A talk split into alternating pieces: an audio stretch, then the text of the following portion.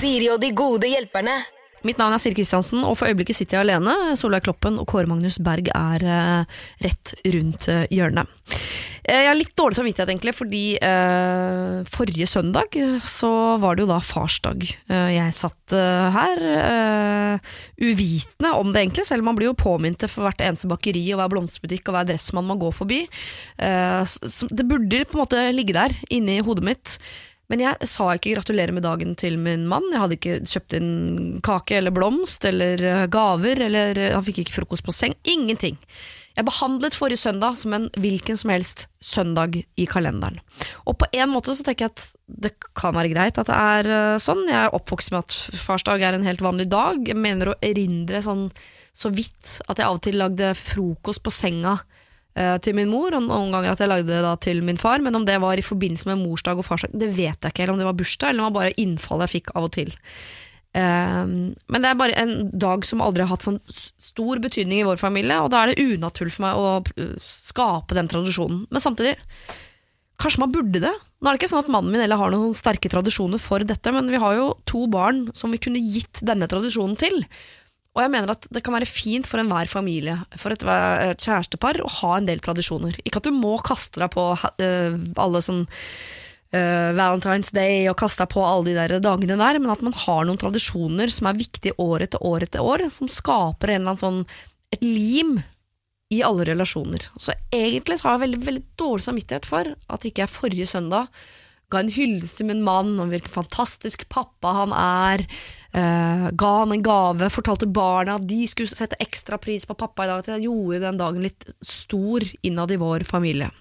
Så eh, jeg slår meg selv litt på lanken i dag, skammer meg litt, en uke eh, i bakkant over at ikke jeg gjorde større nummer ut av forrige søndag, og eh, lover altså her, eh, på nasjonal radio, at jeg neste år skal gjøre et stort nummer ut av farsdag. For det er viktig å sette pris på hverandre, og det skal man egentlig gjøre i hverdagen, men der trenger man litt sånn tupp i ræva, og det er tupp i ræva nettopp farsdag kan være til å vise at du setter pris på det som er så lett å glemme ellers. Siri og de gode hjelperne. Før mine to gode hjelpere kommer, så tenkte jeg vi skulle ta et lite tilbakeblikk. For eh, ja, tidligere, eh, nærmere sommeren, altså for noen uker siden, eh, så hadde jeg Agnes Kittelsen og Rolf Christian Larsen på besøk som mine gode hjelpere. Og da tok vi annet tak i et problem fra en som vi kalte stemor Sofie, som ikke er ond, bare minimalist. Hun hadde flyttet sammen med sin nye kjæreste, som hadde skilt seg for fire år siden, og hadde da med seg to barn som han hadde med sin ekskone. I dette huset som hun da flyttet inn i, så var det helt enormt mye bilder av eh, barna. Det var bilder i alle rom, det var tegninger, andre gjenstander de hadde laget. Altså var, Hun hadde telt over 50 bilder, tegninger og andre gjenstander i huset. Eh, selv ville hun omdekorere litt, halvere kanskje antall bilder, bytte litt rammer, fjerne, altså fjerne ekskona. Eh, og få, sette sitt preg på huset. Hun ville på en måte at det skulle bære preg av at hun også bodde der, at det nå var deres hus. At det selvfølgelig skulle være bilder av hans barn der, men ikke masse, masse, masse, masse, masse fortid overalt, alle steder. Eh, du skal få høre noen av de tingene Agnes Kittelsen og Rolf Christian Larsen tenkte rundt eh, dette. Hun må jo gjøre et eller annet. Jeg tenker sånn, Hvis det er godt over 40 bilder, så kan det jo at han ikke merker om hun tar vekk ett i måneden, f.eks. Ja, Og rett og slett begynner å plukke litt ned. ja, Så innen han merker det, så har hun hengt opp noe, noe annet. Mm. Og da, når han da merker det, så kan du si ja, men jeg må jo få, få plass her, liksom. Spørsmålet er hva dette her egentlig handler om for henne. Handler det om at hun faktisk ehm, vil ha et minimalistisk cleant hus, eller handler det om noe emosjonelt? At hun føler at Altså Er dette liksom bare et bilde på at hun emosjonelt ikke har plass i den nye mannen sitt liv eller barnas liv? eller alt det, ikke sant? Og jeg tenker akkurat når det kommer til disse tingene her med sånne uh, skilsmisser hvor det fins barn og bonusfamilier og nye partnere, og sånn, så er man nødt til å være så utrolig mye større enn det du tenkte at du noen gang kunne være. ja. Um, og man må bare liksom stikke fingrene i jorda og sette ungene først, uansett. Jeg er jo sjøl minimalist, og jeg, kveles jo av tanken på å skulle henge opp helt sånn vilt mye uh, ting som barna har laget rundt i huset. Så uh, jeg legger det veldig ofte inn på vaskerommet hvis hun har klesvasken når barna kommer hjem med ting de har laget. Og så henger jeg opp noe av det. Men jeg kan skjønne at å ta ned ting de har laget, kanskje man skal vente med det.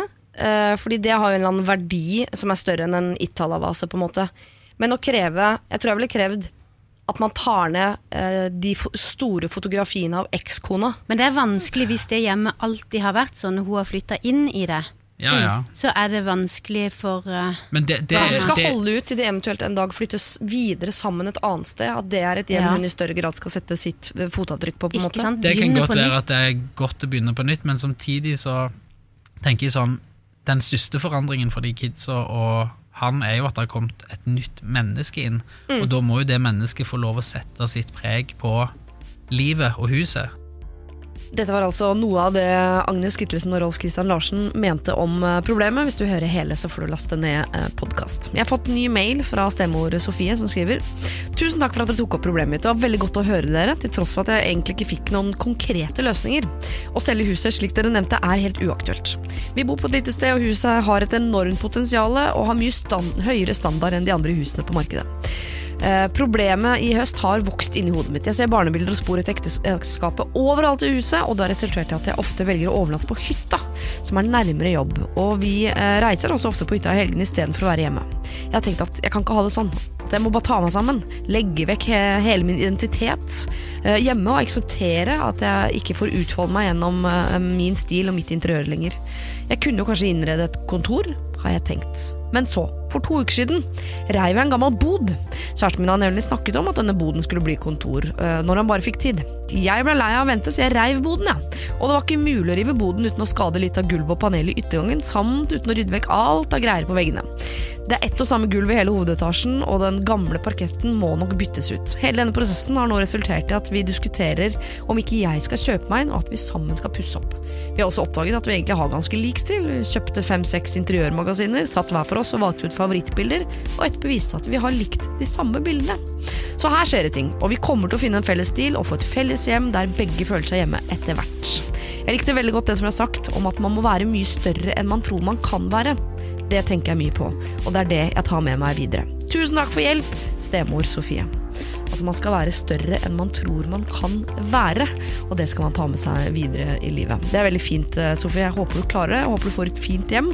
At det er noen bilder av hans barn på veggene. Håper jeg også får lov til å bli i huset i fremtiden. Og hvem vet, kanskje det kommer opp noen nye barnebilder. Siri og de gode hjelperne. Søndager fra to på Radio 1. hvor jeg nå har fått besøk av mine to gode hjelpere for dagen. Og det er jo, eh, som jeg allerede har nevnt, Solveig Kloppen og Kåre Magnus Berg. God morgen. God morgen. God morgen. Jeg har også nevnt før dere kom i dag at dere er venner i utgangspunktet. Ja. Eh, hvorfra? Og er dere det fortsatt? Enda mer kanskje betent. Vil du ha første ordet? Vi er venner fra eh, Idol eh, Vi ledet jo Idol sammen eh, i 2005 og 2006. Eh, da var det noen eh, da, da var det bestemt at jeg skulle lede det.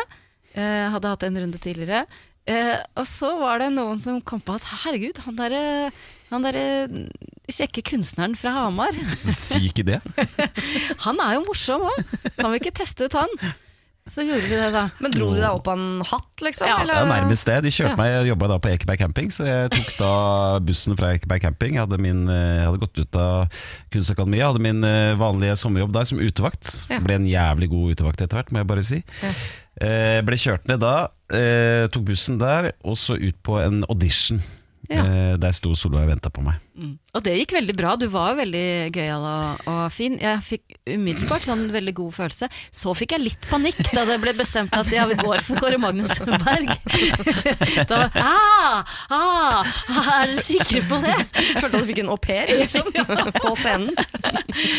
Men så eh, Etter hvert ble jeg veldig glad for det. Han er en drøm å jobbe sammen med. Å være sammen med. Men det er, jo, det er jo fantastisk at det, det er jo Hvis det ikke hadde vært for uh, flotte personer ved siden av meg, så hadde ikke jeg jobba i TV. Så det er ganske rart å tenke på. ass. ja, men Det var For ikke jeg som av- dro deg ut fra Ekeberg camping i utgangspunktet. Nei, det var det ikke. Men ni av ti tror jeg ville sagt sånn Nei, jeg tror vi dropper det. Men eh, nei, det, du hadde troa det. Det var veldig hyggelig. Jeg hadde jo panikk sjøl òg, på et tidspunkt under produksjonen der. Det må jeg også bare innrømme. Ja, for du, skal være, du kan være så god utevakt på campingplassen bare Ja. vil. Det vil ikke nødvendigvis bety at du er god på TV. Nei, nei. Men det viste seg å, å, å klaffe, det. da men eh, Solveig ble borte en liten periode, og da skulle jeg stå og lede dette programmet aleine. Ja. Eh, og jeg bare husker det Jeg kan våk våkne om natta nesten fortsatt. Stå bak scenen der med denne vignetten, og så var det sånn pleksitrapp som var ned mot scenen. Og jeg husker jeg var så kvalm. Bare, da skal jeg stå der? Og Idol på den tida var jo helt var gale, Mathias. Ja, ja. Altså Det var jo uh, førsteside på førsteside på førsteside. Mm. Det var jo det var folk var jo så opptatt av det. Vi samlet, altså, jeg gikk på Westerdals reklameskole, og vi samla hele skolen i kantina for å se på på storskjerm. Ja, Det var helt vilt. Det var Ja, ja, ja. Jeg brukte 50 spenn jeg, på Gaute Ormosen. Og det var mye penger den gang. Ja, det det var mye penger den gang. Ja. Men er dere fortsatt venner? Ja. Ja. Ja. Så koselig, da. Mm. Ja. Jeg blir alltid varm om hjertet når jeg ser Kåre Magnus. Det er ikke så ofte vi har anledning til å se hverandre. Vi lever jo et svært teknisk liv i showbiz, Ja. og med, med stor familie. Men uh, vi blir veldig glad hver gang vi ser hverandre. Ja. Ja. Da skal dere få muligheten til å skravle litt sammen i dag, altså, men dere skal jo først og fremst øh, hjelpe øh, de som har sendt inn problemene sine hit. Ja, Men er det lov da å stille sånne private spørsmål sånn innimellom? Ja. Ja. Litt Ikke sant? innimellom oppdatering på hverandres Ja. liv er Ja, lov det å er snike inn hvis det er relevant til problemstillinga, for Ja, eksempel. Ja. Ja, må, det må være relevant, ja. Ja, Ok. Det kommer noe økonomi og litt sånn nedover, ja. seg. det Ja, det kan jeg Ja, ta. topp, topp. Ja. Siri og de gode hjelperne.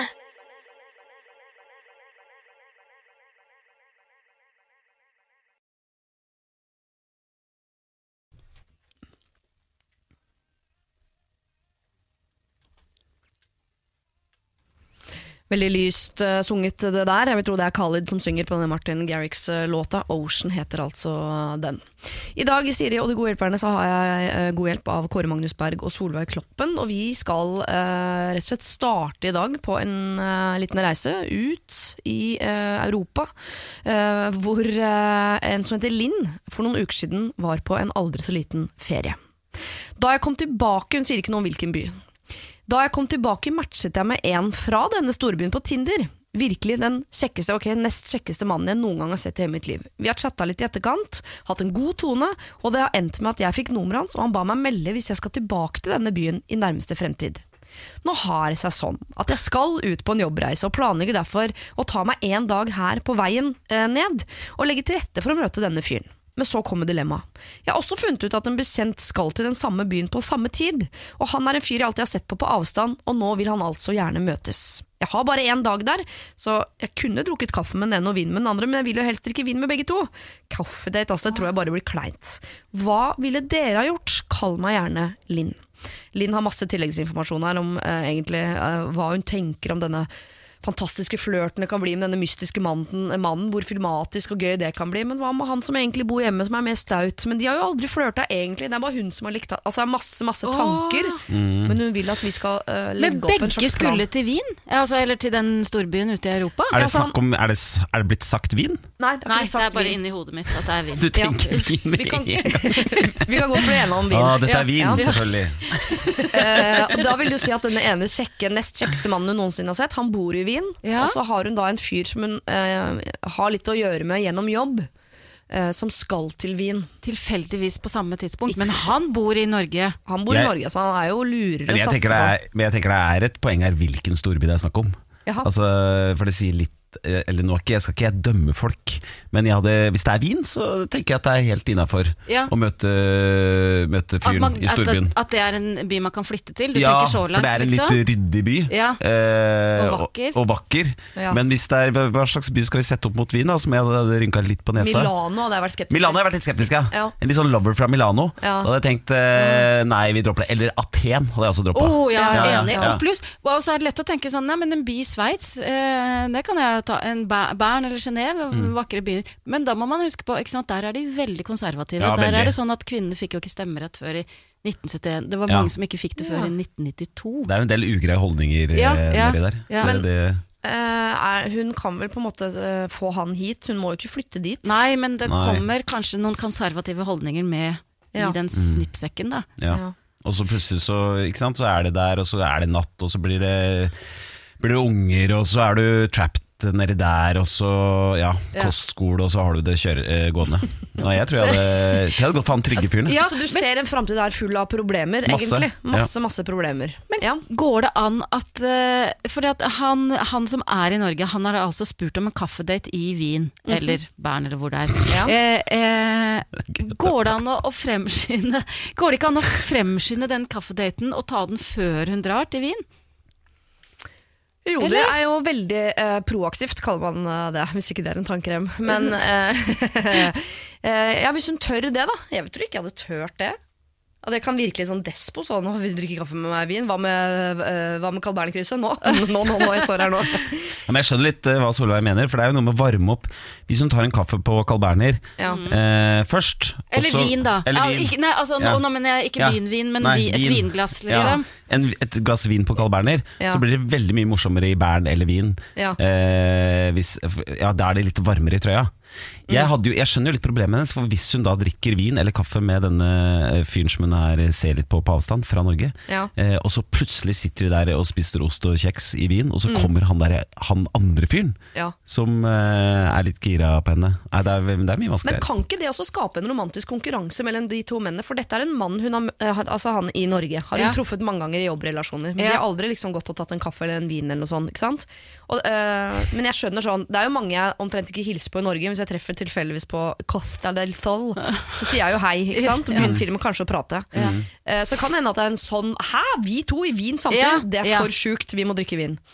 Eh, mens Carl Berner nja, lunka til det. Eh, men jeg bare tenker at eh, hvis hun da sier sånn ja, vi kan godt ta et glass vin, late som hun er litt sånn av, og så kommer Jorge, Ja. som han heter, han, den mystiske nye fra Tinder, at det da, eller at hun i hvert fall sier det, jeg skal treffe en annen fyr her nede etterpå. Det som er, er at eh, han fyren i Norge Han forsvinner jo ikke, han bor i Norge, mens han fyren i Wien Mm, han eh, forsvinner. han forsvinner. Så det kan jo hende at hun skal da bare t gå for han i Wien eh, når hun først er, Det er ikke så ofte hun er i Wien. Nei. At hun bare drar dit og møter han, og så kan hun heller møte han der Ja, fyren. men, ja, men, og nå er jeg kanskje litt treg her, men altså, fordi at han i Norge Han har spurt henne om en, en kaffedate Ja, ja. i- for at han har fått nyss i at hun skal til Wien. Jeg tror ikke han har sagt ordet hverken date eller kaffe, men han vil gjerne møtes. Når de er, I Wien. I Wien. Nei, jeg tror man må møte han, altså. Jeg tror kanskje bare må møte han, og så droppe han derre han der eh, loverboy. Er dere så skeptiske til en kombo der? Jeg mener at Ja takk, begge deler, er Jeg ville holdt i hvert fall han der uh, Han uh, vinske Jeg vet ikke hva man heter når Mm. man er fra Wien. Ja. Uh, litt på lunk. Ja. Og sagt sånn, jeg skal til Wien. Vi, vi er der i en jobbgreie, så vi er opptatt utover kvelden. Men eh, kan vi ikke kanskje treffes Sånn, ja. etter hvert? Og så kan hun avlyse eller fremskynde etter hvert. Hvis den der daten med han eh, arbeidskollegaen ble utrolig hyggelig, Ja, så, så hun faller jo lysten bort. For, men Ja, hvis han er kjedelig, eller Ja. han bare Ja, vil jobb, eller sånn, sier sånn at jeg skal videre, jeg skal møte Lorenzo, eller Ja, hva de nå heter. lurt, lurt, lurt.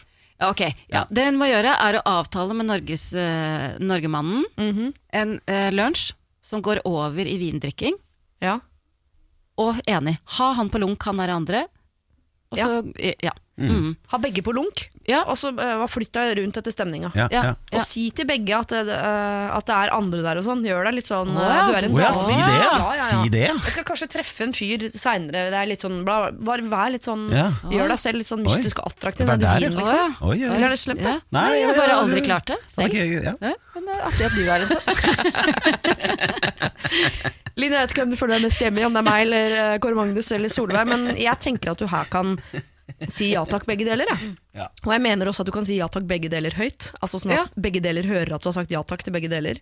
Det tror jeg kan være litt sånn spennende, og da får du i hvert fall den der filmatisk romantiske helgen som du jo egentlig har lyst på. Og kanskje får du deg en sånn lite eventyr i Wien, og noe stødige greier hjemme i Norge etterpå. Hvem vet. Siri og de gode hjelperne. Ina Wroldsen med låta 'Strongest', eh, som jeg eh, lenge ikke kunne synge til uten å begynne å gråte. Men jeg er over det. Det er, forbi. Eh, den har eh, mistet den nerven i mitt liv. Fortsatt glad i låta.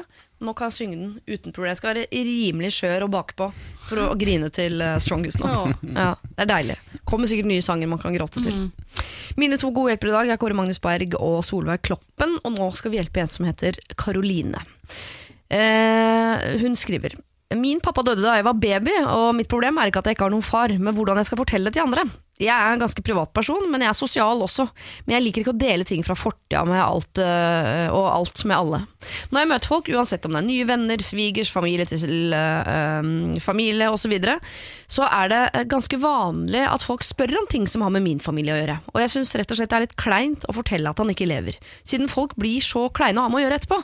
Da beklager de seg og vet ikke helt hva de skal si, og jeg syns det har ødelagt stemningen. og jeg prøver egentlig bare å la være å svare noen ganger og gå over på et annet tema, men jeg har fått høre at det oppfattes som utrolig merkelig. Så jeg håper dere har noen tips til hva jeg kan svare. Hilsen Karoline. Mm. Altså Hun vil ikke ha den kleine stemninga. Fordi hun syns ikke det er noe trist, men alle andre blir så triste med en gang. Men kan man si Men kan man si Nei, eh, faren min lever ikke, men det går bra, altså. Det er lenge siden. Altså, kan man Altså, Kjapt på, liksom. ja, kjapt på. Ja. For å på en måte lett altså, Sånn at det ikke henger Altså, jeg, Man kjenner jo litt til eh, eh, Man skjønner litt den greia at man, det er litt vanskelig å vite hva man skal si, men hvis man liksom parerer det med en gang ja. Hvis hun på en måte Ja, for er en stemning klein hvis bare den ene syns det er klein? Jeg bare tenker sånn, Man kan jo bestemme seg for at dette ikke er kleint. Men er det ja, Nei, dette syns jeg var veldig, veldig vanskelig. Kanskje hun, hun opplever at det er kleint, men er det egentlig altså, Kan hende hun leser situasjonen litt feil? Jeg vet ikke. Jeg ville, synes, for jeg ville også alltid lurt på sånn ah, Skal jeg si noe, skal vi gå inn i en dyp samtale om det, eller vil hun at jeg bare skal gå videre? Ja, er det ufølsomt å nå gå rett over på sånn Har du sett Ja, den nye Netflix-serien, da? Altså, det, er man, det er vanskelig å vite hvor man skal gå videre fra en Mm. sånn eh, informasjons... Man vil ikke at andre skal ha det Altså, ubehagelig, være- rett og slett. Nei, det er, må være noe Karoline gjør som avvæpner situasjonen Ja, nok ja. til at folk tenker sånn Å ja, ok, ja, ja, men da, okay. mm. da snakker jeg om Netflix, da. Mm. Og så, samtidig så skjønner jeg Karoline at hun har et behov for å Eller på et eller annet tidspunkt så er, oppleves det som for sent å fortelle om det òg. Ja. Ikke sant? Man, det er jo en sånn ting som Men tror du ikke det er litt sånn hvis, Som jeg sa, altså hvis hun sier Nei, han er borte, og så før, før den kleine situasjonen eller stillheten kommer, at man bare gir en sånn kort, kort informasjon om hva Altså Sånn at eh, de ikke trenger å lure på hva som har skjedd. Altså, skjønner du hva jeg mener?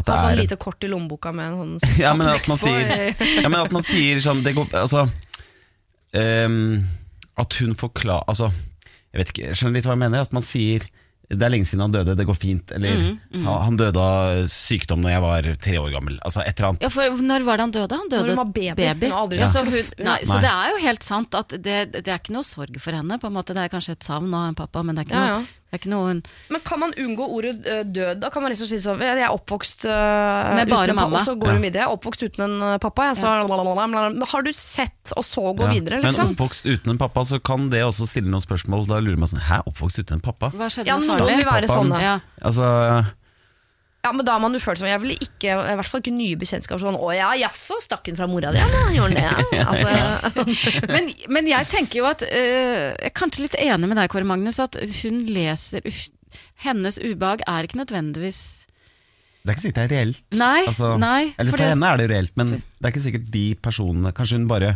Det har lagt seg en sånn følelse i henne at hun tror at alle sitter ja. og lurer på det. Og så gruer hun seg, for hun vet at nå, kommer sikkert nå er det sikkert noen som lurer på det. Aktig. Mm. Men jeg, fordi at jeg har opplevd å miste noen nære eh, det siste året, og, eh, og eh, det, er, er jo, det, det er jo helt reelt at man kan kjenne på den der etter en stund etter dødsfallene, så, så møter man folk og så sier de hvordan, hvordan går det? Men litt sånn, går det bedre nå? Eh, med litt sånn Ja, ja. sant? håp i blikket, forventning, sånn, håper det. Og, så, og, så, og da kjenner jeg at jeg får lyst til å ljuge. ja. ja, ja. Eh, og si ja, det går kjempebra, ikke noe problem. Ja, ikke for for din egen del, men for, men deres for del. Ja. Ja. Mm. Så det er vel noe av det samme hun kjenner på, da. Ja, Ah, ikke sant? At det er andres ubehag. At det, jeg vil ikke at du skal synes dette er, situasjonen er ubehagelig, så da ja, bare at hun trenger egentlig ikke da å lyve heller, for det Nei. er ikke ubehagelig. Nei, for det er ikke bare- ubehagelig. Nei. Hun, hun må bare få ja. sakte fram Ja. det på en eller annen måte. Som, Ja. Få det ut så fort som mulig, ja. og så er den, da er den ballen død, og så trenger man ikke å tenke noe Hun trenger ikke å tenke at de tenker noe mer på det. Så hun må lage seg en standard setning Ja. som er 'jeg er Ja. oppvokst uten en uh, En far'. Ja. Det, eh, Mhm. det går veldig fint. Jeg har hatt en stefar inne i bildet. Eller si noe sånn, Ja. eh, ikke noe problem. litt ut ifra hva som er tema, liksom. Mm. At man bare med en gang avvæpner og sier 'ikke tenk på det, det er ikke et problem'. Mm. Eh, Så tipper jeg at folk kommer til å tro henne på det. Ja. For hun Ja. mener det jo, liksom. ja, Så Ja, ja, og det kan man sikkert se på henne òg, at hun mener det. Ja. At det er sant. Så Karoline, tenk litt på at kanskje ubehaget ligger eh, litt hos deg. At du på forhånd gruer deg. At i det eh, spørsmålet kommer, tenker du sånn, å nei, nå er vi der igjen. Hvis du bare pugger en hel sånn fasitsetning på hva du skal si, og er helt sånn eh, overbevisende i måten du leverer den setningen på, på at dette er faktisk ikke noe problem, og så går du videre. Ikke, sånn, ikke la være å svare og gå videre. Si det, og så går du videre til et annet tema. Så kan de liksom bruke det der at du begynner å snakke om Netflix på å summe seg. Sånn, å ja, det går bra med henne, vi kan snakke om Netflix. Og så tipper jeg det er ferdig på andre siden der. Det tror jeg er det nærmeste vi kommer å ha noen fasit på det. Enig. altså. enig. Enig. Siri og de gode hjelperne. Mail oss på siri at radio1.no. Var dere skoleflinke? Skal Sorry, jeg glemte å skru på mikrofonen deres, men jeg hørte jeg så vidt på hos Jeg var helt, eh, jeg var helt decent. Jeg var god i, av en eller annen snål grunn, veldig god i geografi. Ja. Eh, sykt god i geografi, tenkte nesten ikke å lese. Elendig i matematikk og tysk. ja, men sånn at du kunne hovedstedene, liksom? For det er jo, altså, Nei, geografi det er er jo det- puggefag. Nei, men det er jo det uh, setningen Det er jo det overskriften er i geografi. Det, dette handler ikke om hovedsteder. Å nei. Steinarter er jo mer sånn- og ja, sånn? og oh, ja, er du Det er god på det? ja, men nå, nå husker, jeg ikke noe, husker jeg ikke noe av det, selvfølgelig. Men den gang så var jeg god i det. Men, eh, men Hvilke fag var du dårlig i? Veldig dårlig i matte, nei, i matte og, og tysk. Redda en ståkarakter i tysk ved å ta med meg eh, karamellpudding til timen, fordi at jeg fikk, eh, jeg fikk nyss i at eh, bikkjene til tysklæreren Hun hadde med seg bikkjene til de timene, og de var så glad i karamellpudding. Så da kjøpte jeg to eh, karamellpuddinger, la på noen fine fat, satte de ned på gulvet ved katteteret, og da fikk jeg tre, gitt. Ja, det er sant? Ja. Så enkelt Ja, så var det på 80-90-tallet. Ja, ja, ja. Ja, for sånn er det ikke lenger, tror jeg, men Nei, da gikk det det- an eh, å gjøre Savner 80-90-tallet. ah. Var du skoleflink? Ja, det var det. Mm, nei, men jeg er sånn som tok ting veldig lett. Men jeg gidder ikke å, Jeg er ikke noe glad i å lese meg til ting. Og gjøre, altså, jeg, jeg gidder ikke, jeg er lat, liksom. Ja, ja. Mm. Jeg tror nok jeg kunne vært ganske skoleflink. Og så er jeg veldig glad i sånn matte og sånn fag som andre ikke liker. Som jeg synes er gøy da, ja. Men jeg hadde ikke vært noen god lærer, for jeg blir så forbanna når folk ikke skjønner de tingene jeg skjønner. Der er jeg så Sitte nå med sønnen min og mattelekser. Et, det tar meg to sekunder, og så er jeg et monster. Jeg ja. Jeg hører meg selv, jeg sier det ikke, men jeg tenker sånn Er du stokk dum?! Åh, jeg hadde vært, dere hadde blitt sur på meg. Altså, jeg har, altså, det er så mye jeg ikke skjønner. Jeg tror det er noen brist oppi huet, faktisk. Ja, men det må det, det må det være. Ja, det tror jeg det er. For vi som ser systemene i matte, så er det helt Men jeg uforståelig. ser, det ikke, jeg ser det ikke, og jeg merker nå Nå skal jeg hjelpe barna mine. Jeg har en sønn på, som snart er 13 i matematikk, og nå har jeg gitt opp. Det er lenge siden for så vidt jeg ga opp, da, men eh, nå er det kona mi som hjelper han. Men, men jeg, jeg bare jeg, jeg, jeg skjønner det ikke. Hva er det du ikke skjønner? Nei, og- Og det som har skjedd nå, er jo at det er så mye Man regner jo på forskjellige måter. Ja, altså, ja, strategier. Ja, strategier og sånn. Nei, så det nå er ble jeg sånn, litt urolig Hæ, skal du ikke låne? Har dere Ja. slutta å låne? Ja. Låne av tieren? Gjør dere ikke det lenger? Gjør ikke, låner ikke av tieren lenger? Nei, de låner på en helt annen måte. Ja, ja. Ja, Ja, helt sjukt. sånne tiervennegrupper. Ja. Ja, ja, ja. Masse venner, Ja, ja. tallvenner og Jeg blir så sur. Så prøver jeg å si sånn eh, Nå skal du få lære det på gamlemåten. Så Ja. da ser jeg i øynene sånn Å ja, så jeg skal lære mer. Jeg skal ikke bare skjønne dette, jeg skal, skjø jeg skal skjønne det på flere måter. Jeg er ikke interessert. Men kan jeg si én ting om lekser? For jeg, jeg, jeg, jeg følte at jeg hadde, mitt, jeg hadde en veldig bra greie i går. Fordi Da skulle sønnen min lære om renessansen og opplysningstida. Ja. Og da var det en lærebok som var veldig, sånn, det var veldig sånn dårlig forklart, så da satte jeg opp en eh, tidsepokelinje. Det syns jeg var bra. Med årstall, Ja. fargekoder. Ja. Da det, hadde jeg Måtte mitt. du ikke lese deg opp da? Hadde du den i Nei, jeg, skumma, skumma Ja, gjennom boka, ja, jeg. Ja. Men jeg følte at da hadde jeg glimta det. til. Glimta til. Glimta til der. Kan jeg få si en kort ting om lekser? Ja. Ja. Imot. Ja, ja, ja, ja, det er klart vi er imot lekser. Ja, ja. Veldig, veldig imot det greiene der. Dere, Vi skal til Sara som lever på en eh, livsløgn. Jeg skal sette dere inn i problemet nå. Blir vi ikke ferdig å hjelpe Sara. Så får vi, altså, vi får bare spille litt musikk og, og, og ta det liksom på langen. Her står det. Kjære Siri og de gode hjelperne. Helt fra ungdomsskolen til slutten av videregående uh, har jeg vært en helt vanlig og middels skoleflink jente, og jeg er for, for fornøyd med det. Men det er ikke nok å bare være middels i min familie. Og det var derfor det begynte. Jeg begynte å skryte på meg sekser etter sekser på karakterkortet. Jeg kom hjem fra skolen ukentlig og fortalte om stående applaus fra læreren etter muntlige prestasjoner, eller at akkurat min norskstil ble brukt som eksempel på eksamen året etter. Altså jugd masse til foreldrene sine opp igjennom hvor utrolig god hun er. Dere skulle bare visst hvor stolt mamma og pappa er av meg. Deres flinkeste datter i en søskenflokk på tre som får til alt med glans, og jeg skulle ønske det var realiteten. På videregå altså, videregående ble etter hvert et eh, tilbakelagt kapittel, jeg begynte på økonomistudiet, eh, og jeg som er så skoleflink skulle bli siviløkonom og få mest topplederstilling. Det var ikke noe tvil om det. Første semester gikk det, og jo mer eksamen nærmet seg, jo mer eh, gikk livsgnisten ut av meg. Eh, det er jo virkelig ikke økonom jeg vil bli. Allikevel fortsetter jeg å skryte meg av i alle fag. Og jeg jobber så hardt jeg kan, selv om jeg jo egentlig har strøket i halvparten av alle fagene, og jeg har unngått å møte opp til en del forelesninger. Jeg merker at det begynner å bli utholdelig å leve på denne løgnen, og jeg unngår nå å besøke familien min for å slippe å kjenne på klumpen i magen, og jeg lyver hver gang de ringer meg og spør hvordan jeg har det. Jeg blir nødt til å gjøre noe med den situasjonen før den spiser meg helt opp, og jeg aner ikke lenger hvem jeg er. Skal jeg fortsette å flyte videre på en løgn, eller skal jeg fortelle hele sannheten og risikere å kanskje miste min egen familie? For hvordan forteller man noe sånt til sine egne foreldre? Hilsen totalforvirret jente på Skien, kall meg Sara. Og jeg kan også legge til, jeg har vært veldig lang mail dette her, hun har en far, han har bestemt seg for å kjøpe leilighet til hun i Oslo som premie for at hun var så flink. Nei, nei, nei, nei, nei. Det er som når jeg fikk 1000 kroner for at jeg ikke hadde spist godteri på et år. Hadde kost meg gjerne med godteri. Vet du. Men eh, hun har eh, Altså f fra videregående til de videre studiene Hun har kom, Hva studerer hun nå? Økonomi? Hun studerer økonomi nå, hun Ja. har ikke noe lyst. Og Men har- men, men- så hun har jo gjort det ålreit, da. Hun ja, hun hun er jo ikke ferdig, ferdig, hun vurderer å hoppe av. så Jo, men hun kom seg inn på Ja. studiet. Jeg tipper at hun er en helt sånn middels, Ja. ja. middels god student, men hun er ikke noe A. Altså, hennes stil blir ikke brukt som eksempel i læreboka. Sånn. Nei, Nei, men hun er på en måte flink altså, hun, Foreldrene har jo sett et karakterkort til slutt, eller vitnemål, hvor hun på en måte, når hun var ferdig, før hun gikk videre, så de har vel en viss idé om hvor flink hun er. Ja, tydeligvis så tror jeg nok hun har klart å snike seg Ja. unna akkurat det. I Ja, hvert det, fall, eh, det, uh, på videregående så er Etter hvert blir hun jo 18 år, ikke sant? Mm. så det er ingen som har noe innsyn. Eller, Så hun har, jeg tror nok ljuginga hennes har eskalert ettersom hun ikke trenger å Vise Fra. ja. Mm. Jeg, kjenner, altså, jeg vokste opp i et hjem hvor det var eh, forventa at man fikk gode karakterer. Ja. Eh, jeg husker at jeg kom hjem eh, med et vitnemål en gang, eh, og så så moren min på det, og så sa hun 'men hva er det?' pekte hun på arket. Hva, hva, hva er det? Nei, det er, det er fire, da. I, fire i naturfag. Fire Hvorfor? Sånn. eh, ja. Var, Eh, var hun uh, indignert, nærmest? Eller? ja, eller hun skjønte ikke hva en firer altså, hvordan, hvordan er det mulig? Og går skal skalaen så lavt? Ja, Ja. ja, Hva er det tallet? ja, Ja. ja. Eh, men, og det det endte med, var selvfølgelig at jeg begynte å studere eh, eh, på universitetet og diverse Jeg har vært gjennom veldig mange studier fordi at jeg tenkte at det må man jo, liksom. Ikke Ja, sant? ja. Eh, blant, men, men poenget er, eh, så begynte jeg eh, også på fysioterapistudiet, fordi at det det det er like gøy hver gang du sier det. Fordi at tenkte jeg, tenkte på en eller annen måte at moren min ville sette pris på det. Ja. At jeg var eh, nesten lege, liksom. Det hadde vært enda flottere med lege, selvfølgelig. Jo, jo. Men gikk på fysioterapistudiet. Eh, men eh, et, rundt påsketider, et tre trekvart år, så var jeg så husker jeg at jeg var på kontoret hennes og så helt sånn grå i ansiktet. Jeg hadde så grusomt, rett og slett. Mm.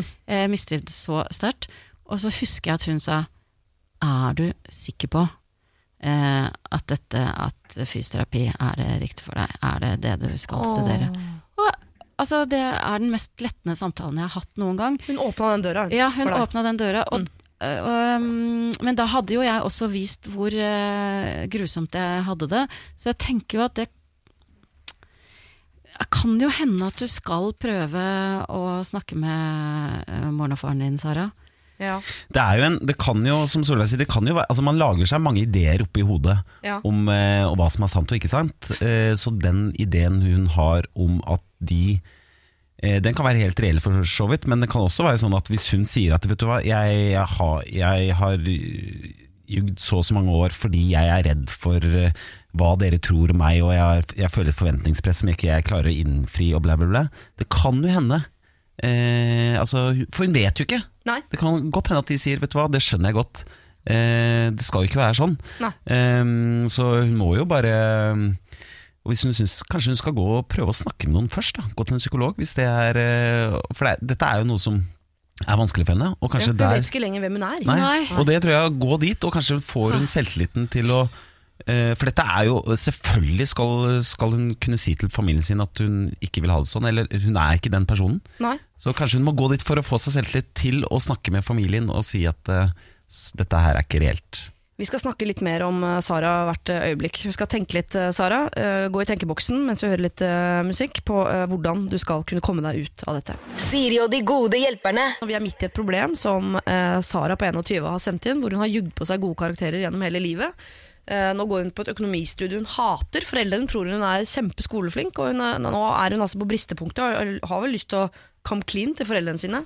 Jeg har bare lyst til å spørre sånn må hun um, fortelle at hun har jugd i alle disse årene, eller kan hun på en måte bare stryke fortida og heller gå inn der hun er nå og si uh, jeg trives ikke på dette studiet, jeg får det ikke til, jeg har lyst til noe helt annet. For det kan jo hende, det, hvis hun går opp på det studiet hun faktisk liker, Selvfølgelig. at hun, uh, at hun mestrer det såpass uh, bra at ikke Jeg mener ikke for å leve opp til foreldrenes forventninger, men bare uh, hvis hun stortrives og føler at hun mestrer det hun driver med, så kommer det vel snikende en eller annen stolthetsfølelse som hun kan ta med seg hjem? Eller? Ja, altså, men så er det det der lille at hun skriver at jeg vet ikke, jeg kjenner, jeg vet ikke hvem jeg er lenger. Eh, som ligger mer på det at hun har løyet i alle disse år, enn at hun har, er på feil studie, eller?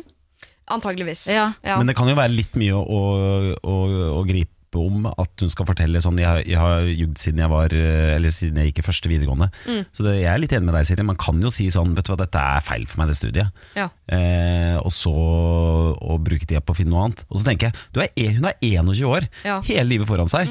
Det, er virke, altså, det er jo virkelig ikke noe skam å skifte studieretning. Folk gjør det Nei. hele tida. Altså, det er jo Jeg har nesten ikke gjort annet, jeg. Nei, altså det er jo, det er jo helt normalt. Ja. Og jeg tenker eh, Hun har jo masse muligheter.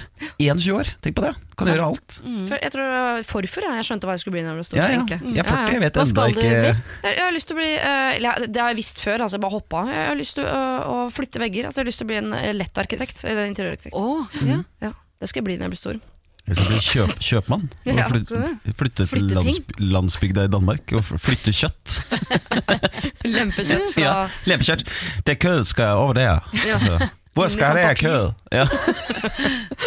Og bli kjempetjukk. Men jeg lurer også på, eh, det er en setning jeg har hengt meg opp i her, hvor det mm. står um, Eller skal jeg fortelle sannheten og risikere å kanskje miste min egen familie? Altså Nå har jeg ikke møtt denne familien, Nei. men det, jeg tror ikke det, Nå bare kjenner jeg på en egen sånn morsfølelse. Jeg tror ikke Jeg hadde liksom slått hånda av min egen datter fordi hun ikke var skoleflink. Jeg hadde kanskje blitt Den dagen hun kom hjem og at Mamma, jeg har jugd for deg i 25 år, eh, jeg er ikke skoleflink, så tror jeg jeg hadde blitt skuffa, men over meg selv. Ja. Over Har jeg gitt deg Gitt inntrykk av at du må komme hjem med gode karakterer for at jeg skal være glad i deg? Ja. Da, bekla da har jeg feila som mor. Ja, Ja. det hadde Så jeg jeg tror Hvis foreldrene dine blir, eh, su kan virke sure, så tror jeg de mest er sånn flaue over hvor, altså, hvilke signaler de har sendt. Liksom. Det er ingen som det, Hun skal ikke være redd for det.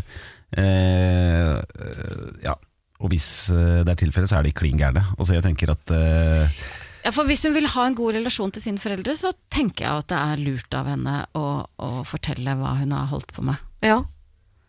Hun trenger ikke å liksom gå helt men si sånn, jeg, har, eh, jeg er egentlig ikke så veldig glad i skolen. Jeg har ofte sagt at jeg er flinkere på skolen enn jeg er. Eh, jeg har ikke noe ønske om å bli økonom. Mm. eh, økonom. Og så kanskje hun bare skal ta seg et års pause og finne ut av sånn, vet du hva, det viser seg at jeg vil flytte kjøtt i Ja. Danmark. Ja. Men, men hun, hun, kan, hun kan jo Hun trenger jo ikke å si Som vi snakket om i stad Hun trenger jo ikke å si sånn Jeg har eh, aldri vært eh, Altså jeg har eh, Alt det jeg sa om de stilene og sånn Det var ikke sant hun trenger jo ikke å si- ta den med en gang Nei. Hun kan si Som du sa Siri Altså hun kan jo si Begynne med studieretningen Og si at det her føles helt feil. Jeg er ikke interessert i det. Nei, Jeg må tenke- til. Jeg ikke til. Jeg må tenke ut Jeg må jeg finne noe annet. Og så kan du ta det litt gradvis. Ja. For at hvis, du, hvis hun tenker på all Altså dette her bygger seg opp i hodet hennes At hun nå skal hun si Altså det blir for mye. Ja. Hun, trenger, hun kan ta det steg for steg. Mm. Men det er jo fort gjort at alt kommer, da. Men eh, du som Nei, jeg vil slutte. Men du som er så flink. Eh, Ja, men jeg, det er, jeg er, ikke, jeg er ikke så flink. ja. Ja, Og kanskje kommer man det, så ta kommer det li- Ja, kommer det, så kommer det. Men Ja. Jeg tenker at Ja. Hvis hun nærmest får direkte spørsmål på ting, så, Ja. så kanskje hun der bare Vet du hva, Ja. sorry, jeg, jeg er ikke så flink. Nei. Og det er ikke sikkert egentlig, jeg vet jo ikke hvor det begynte, der, sånn sett, men det kan jo hende at foreldrene dine bare blei glad etter at du fortalte. Men at, ikke, Ja. at det er ikke sikkert de i utgangspunktet var ute etter at du skulle bli en sånn toppstudent. Nei. De som kan bli sure, er jo søstrene hennes, i og med at hun har blitt dratt fram som Sara, ja! Den flinkeste av dem alle. Og Ja. de to Ja, ja. andre bare ja. Mm. det, er, det er jo ikke rart de ble altså Hvis jeg hadde ringt hjem og sagt nå har jeg tatt eh, doktorgrad Så hadde de blitt glad ja. Kan du ikke bare Eh. prøve, prøve på det, da? Syns du skal gjøre det? Kan. Tenk så glad jeg hadde blitt da. Hei, det er meg Tatt doktorgrad I hva Altså, da? Eh, nei. eh, vet Det er ikke. så mye mellom himmel og jord, hadde jeg sagt det Sara, det er mye mellom himmel og jord. Du er bare 21 år. Du har ikke funnet ut av noe av det nesten, men du må finne ut av hvem du er og hva du skal bli. Du trenger ikke å fortelle alt du har jugd om til foreldrene dine, med mindre du liksom eh, sprekker på et tidspunkt og det bare kommer av seg sjæl. Hopp inn der du er nå i livet og si at 'jeg trives ikke med det jeg driver med', jeg vil videre, jeg vil gjøre noe annet, og så tar du deg en pause, og så finner du ut av hva du vil bli når du blir stor. Siri og de gode hjelperne. Søndager fra to på Radio 1. Vi skal eh, hjelpe en som heter Kristin, eh, som eh, anser seg selv for å være både en god venn, men også en god søster. Eh, men nå står hun litt eh, Altså hun lurer litt på hvor lojaliteten skal ligge. En av mine beste venninner har blitt kjæreste med min bror. I starten syntes jeg det var litt rart, men nå etter et års tid er det egentlig helt konge. Jeg er veldig tett med min bror, det skiller bare elleve måneder mellom oss, og vi har fulgt hverandre i alt opp igjennom. Han kommer til meg om det er noe som plager han, og omvendt. Det gjør venninnen min også. Og det er her konflikten oppstår. For hvor ligger min lojalitet? Hvis han kommer en dag og sier at han er lei, har jeg meldeplikt. Så langt har det ikke dukket opp annet enn at de spør meg om ting de lurer på, om hverandres ekser, hvordan de var når de var single osv. Men de bruker meg også til å fritte ut om hva jeg tror at hun vil bli glad for til jul osv. Jeg vet hva hun vil bli glad for til jul, men det skal jo jeg kjøpe. Så altså, hvor ligger lojaliteten min? Her skjønner du at Kristin nå er på sånn detaljer, irritasjon, men dette kan jo bli Ja. stort en dag. Ja, ja, ja, ja. Er det bror eller bestevenninne da som ja for jeg tenker jo at det er veldig forskjell på om hva, hva ønsker hun seg til jul, tror du, eh, kontra jeg er skikkelig lei, jeg har lyst til å gå. Ja. Um, Det er bare noe med det å være det mellomleddet bestandig kan man jo bli litt grann lei av. Jeg hadde sagt ifra at jeg kan ikke være det mellomleddet. Altså Jeg har en bror, eller det er broren min, og du er bestevenninnen min. Jeg kan ikke sitte og svare på sånne spørsmål som, som er litt sånn private. Eller jeg, jeg kan ikke være den personen i midten eh, som dere skal lufte ut til. For jeg blir helt Samtidig sprø av, så jeg kan ikke litt- ta det er jo litt trist det òg, for at da mister man jo en sånn uh, Egentlig en fin greie i en relasjon. Ikke sant? At man kan Ja, men lufte, det Mye av det Ja, bestevenninnegreiene som Ja, forsvinner hvis ja. ikke man kan snakke opp nettopp det der eh, pinlige som skjedde Ja. i senga i går. Eller Ja, men det er jo veldig Ja, jeg, ja det skjønner jeg, men det er jo Men da må det kanskje bare ja. Vet du hva bror din gjorde i går? Fy faen. Altså, det er det drøyeste. Har du hatt problemer Ja, ja. tidligere? Han smurte seg inn med noe sjokolade, og så Og Nei, jeg liker jo synes det var mørk sjokolade, ikke lys, det veit jo han. Putta Nei, altså mm, jeg, Nei, altså jeg, jeg er helt enig. Altså, det, er et, eh, det er jo noe som forsvinner hvis man ikke kan dele de tingene med venninna si og med sin bror, men jeg tenker at det er jo da er det jo litt, det er litt problematisk at eh, hun har da blitt sammen med bro, broren hans. Da. Ja. Man kan liksom ikke få begge deler, tenker jeg. Eh, Da må de tre bli enige om et eller annet system Ja. som er, så, som er vanntett. som man bare- Jeg tror jeg ble sagt fra veldig tydelig til begge to. Sånn, alt du sier til meg, blir hos meg. ja. Uansett. Hvis jeg vet noe om deg som hun burde vite, Mm. eller jeg vet noe Ja. om hun som du burde vite, jeg kommer ikke til å si det til noen av dere. Åh, det men- blir i banken, liksom. Ja, men samtidig eh, Jeg hadde blitt sånn urolig av å ha Hvis jeg da var hun bestevenninnen, så ville jeg jo da tenkt sånn Å, guri, hva er det Hva er det Siri vet? vet, Ja. egentlig? Ja. Ja, det, må, det, må, det, er noe som må bli eh, sagt her. Fordi Ja. at eh, eh, Jo, det kan man jo si at det, det mest private altså, Fordi, som du sier, Solveig, så de lurer sikkert på det begge to. Ja, ja. At hva, er det, hva er det han deler om meg, og omvendt. Mm. Så kanskje man skal si at det, altså, trivielle altså, altså, det er jo ikke, Dere kan jo si noe, men det mest private må, det må dere bare holde for dere selv. For det kan ikke jeg få vite om. Altså, Altså, så alle er hvis- klar over reglene her, Fordi det Ja, blir jo veldig du, eh, ubehagelig. hvis du skal fortelle meg noe injurierende, eller hva Ja. det heter, så, så vil jeg ikke vite om det. Fordi Nei. da eh, føler jeg meldeplikt til bror, og Ja. andre veien. Det motsatte egentlig av det jeg sa i stad. Ja. Ikke fortell meg noe jeg ikke kan se Nei, videre. sant. For jeg Ja. er lekker som en sil. Mm. Kanskje det skal være bedre, men jeg lurer på om jeg bare Det er trist å si det, men jeg tror hvis min bestevenninne hadde blitt sammen med min bror, Ja. så tror jeg hun hadde forsvunnet over i sånn veldig god svigerinne-aktig. Ja, Mm. ja. Der, Ja. der hadde det Og så mista det litt, faktisk. Men hadde du villet at din bror skulle dele Jeg alt tror med kanskje fortsatt? hadde blitt Ja, hos bror. For ja. hvis, La oss si det blir et brudd, da. Mm. Hvem er det du tar med deg videre? Det er jo bror, da. Mm. Med mindre bror har gjort noe slemt. Men Mm. nei, jeg vet ikke. Vi kan stå mellom to, da. Her, alt som kommer til meg, blir hos meg, eller alt som kommer til meg, går rett videre. Den er kanskje nesten det letteste. Altså. Ja. Alt går bare rett Ja. videre, så har man mm. vokt dine ord. Mm. Men da mister man en bestevenninne, da. Og finner en ny bestevenninne. Mm. Ja. Jeg, går, jeg mm, stemmer for den siste. Ja. Leks med en sil, Ja. men si fra på forhånd. Ja, Jeg tar, jeg, jeg, jeg tar den første. Jeg mener at man skal bare si at det, det kan ikke si alt, fordi det blir vanskelig. jo, ja. Jo, men det er den siste, egentlig. Det er den siste, Mm. egentlig. Ja, Ja. dere, kan, dere kan ikke si ting til meg, Ja, sånn, Fordi ja. da For sier jeg det videre. Ja, sånn, ja. liksom. Mm. Mm. Ok, Sara. Uh, uh, nei, hvorfor kaller jeg deg Sara? Kristin heter du. Ja. Mm. Nei, uh, Kristin. Du skal fortsette å være en god venn, du skal fortsette å være en god søster. Men du skal være helt ærlig på at eh, jeg lekker som en sil. Jeg kommer kategorisk til å lekke som en sil, kommer ikke til å prøve å tette noen hull. Så alt dere sier til meg, gå videre, det skal dere være klar over. Nærmest, Det høres litt ut som en trussel, og det er det på mange, mange måter, men jeg tror det er den trusselen som gjør at du kan bevare det gode forholdet både til din venninne og til din bror. Siri og de gode hjelperne. Søndager fra to på Radio 1. Mitt navn er Siri Kristiansen, og hvis du har et problem, så kan du sende det til meg på sirialfakrøllradio1.no. Eh, noen som har gjort det allerede, eh, er eh, Karoline, eller Kåte Karoline, som hun kaller seg. Og da skjønner eh, dagens gode hjelpere litt hva det går i. Ja. Sola Kåre Kloppen og Magnus Kåre Magnus Berg. kalte seg jo Kåte Kåre før, men så gikk han bort ifra det fordi at det ble så ja, Ja. Han skulle lede familieprogram og sånn, så. men mens han holdt på med kunsten, så var han sett som Kåte Kåre. Ja, for du er han kunstneren som uh, malte med penis, er det ikke det? Som Masse. bare- Ja. Du har jo Viskelund som maler malte med død hånda. Jeg tenkte hvorfor, uh, hvorfor gjør det når man kan male med penis? Ja, mye penis. Ja, masse penisbilder som er liggende i kjelleren. Det er bare å, bare å kan. Ja, ligger på Finn. Ja, ja, ja, ja. Eh, Merka reol, reoler. Uh, ja. Du finner på under, under reoler hvor det er masse bilder, så er det egentlig penisbilder. Ja. Ja. skjønner. Er det olje eller akvarell eller Begynte med olje, men det skal ha penis. Jeg gikk, på, gikk for noe sånn eh, vannmaling. Veldig, veldig gøy. Akvarell. Gouache. Karoline, er ikke kunstner, hun eh, driver med helt andre ting. Eh, hun er 30 år gammel og egentlig for gammel til å ha dette problemet, sier hun. Hun syns det er enda verre med typen som er 37. Men hjelpes. Nå har vi vært sammen i et år, og han er topp. Jeg digger fyren, men eh, problemet hans er altså at han er dårlig i senga.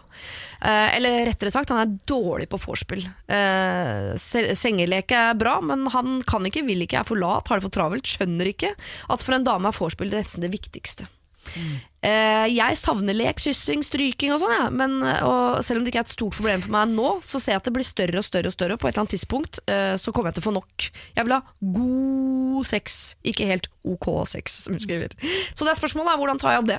Når tar jeg opp det på en naturlig måte? Hva skal jeg si for å, å eh, skåne følelsene hans? På forhånd takk for alle tips. Hilsen Kåte Karoline.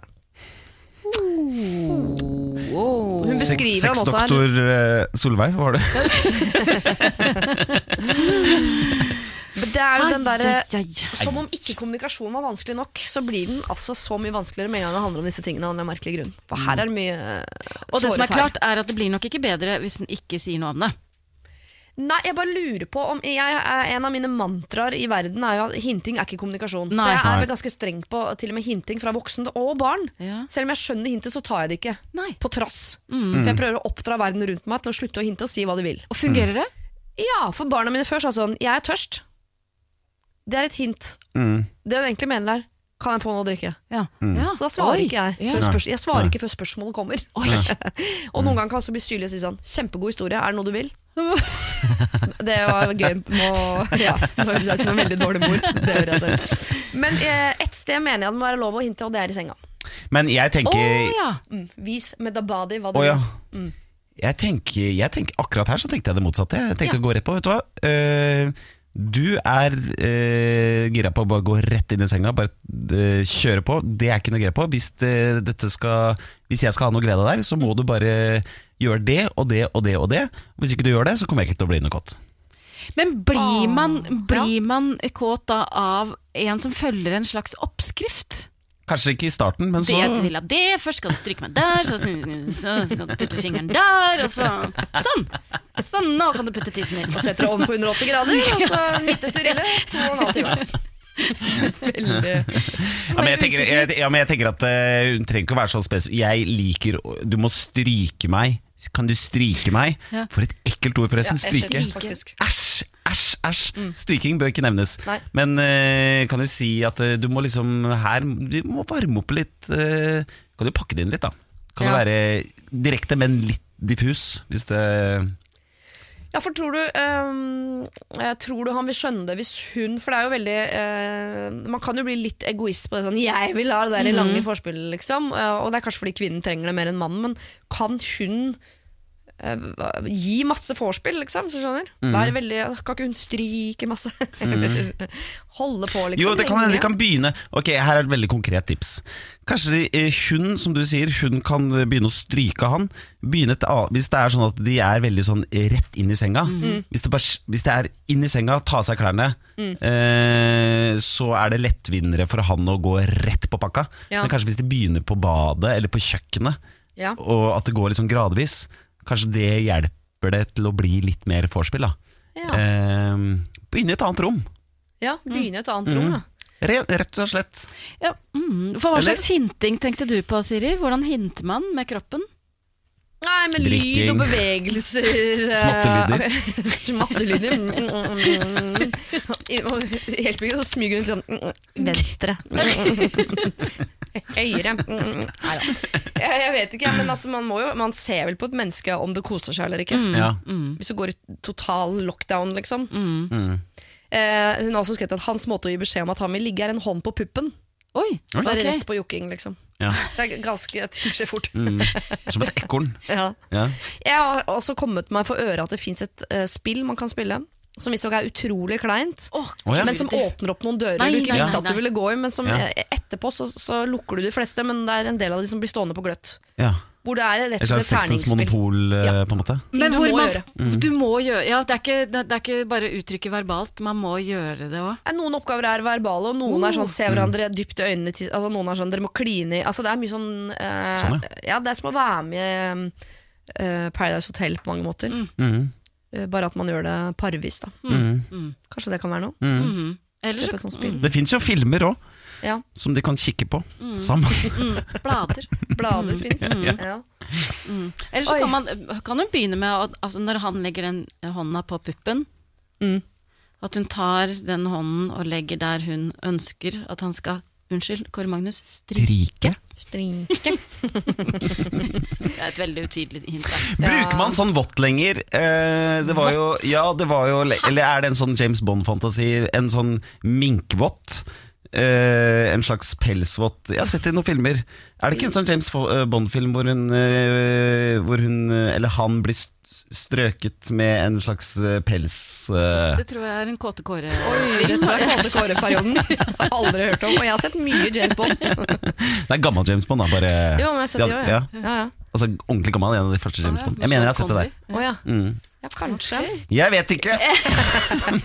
Var det tipset at Kåte Karoline kunne begynne å stryke han med Ja, men Kanskje de trenger noen effekter, da. Ja, eh, at det ikke nødvendigvis er rett på noen sånn kuler og styr, men at det er noe et eller annet som kan trigge en eller annen lek. da Ja. Herregud, nå kommer jeg på en lek jeg lekte med eksen min, men jeg skal la det ligge. Jeg skal Oi, la det ligge. Nei. Nei, jeg kan si uh, hva, hva den het. Ja. Gjett hvilket kjøkkenredskap dette er.